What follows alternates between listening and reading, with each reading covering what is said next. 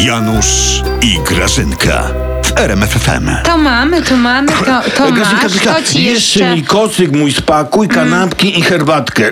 z prądem. No, Januszek, a może Z jeszcze prądem. liny ci spakuje i czekany. Janusz, ty do lekarza idziesz, a nie na rysy. Człowieku, do internisty Grażyna. zwykłego na naszej ulicy. Sezon grypowy, kolejki są na dwa dni. No tak, to akurat prawda. No. Dobrych lekarzy mamy, to i kolejki są do złych, by nie Tak. było. No. Nasza służba zdrowia, Janusz, jest najlepsza w Europie. To już oficjalne. Pan Tak. Terlecki to powiedział No ostatnio. wiesz co, no chyba jednak nie, bo jemu nie pomogli.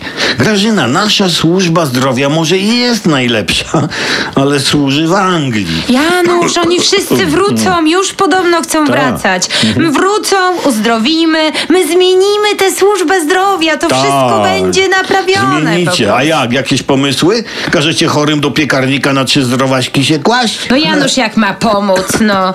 Mamy niezłe oddziały, tu akurat mamy moc. Tak. Żadna służba zdrowia, No. Janusz, żadna, nawet watykańska, nie zatrudnia tylu kapelanów, co nasza.